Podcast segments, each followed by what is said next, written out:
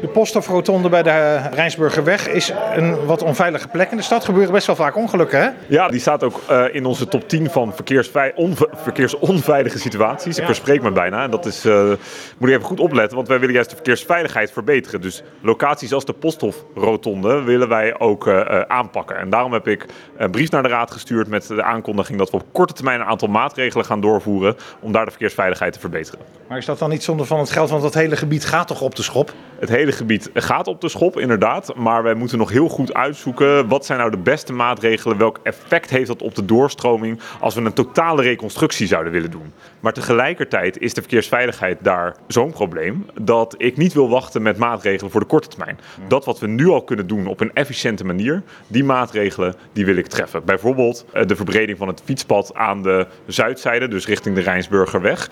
Dat is nu een heel smal fietspad in twee richtingen.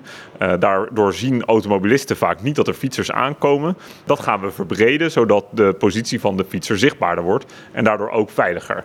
Uh, nou, dat soort maatregelen kunnen we eigenlijk tegen een gering bedrag nu al nemen. Zorgt ervoor dat ook de komende jaren de veiligheid daar wel verbetert.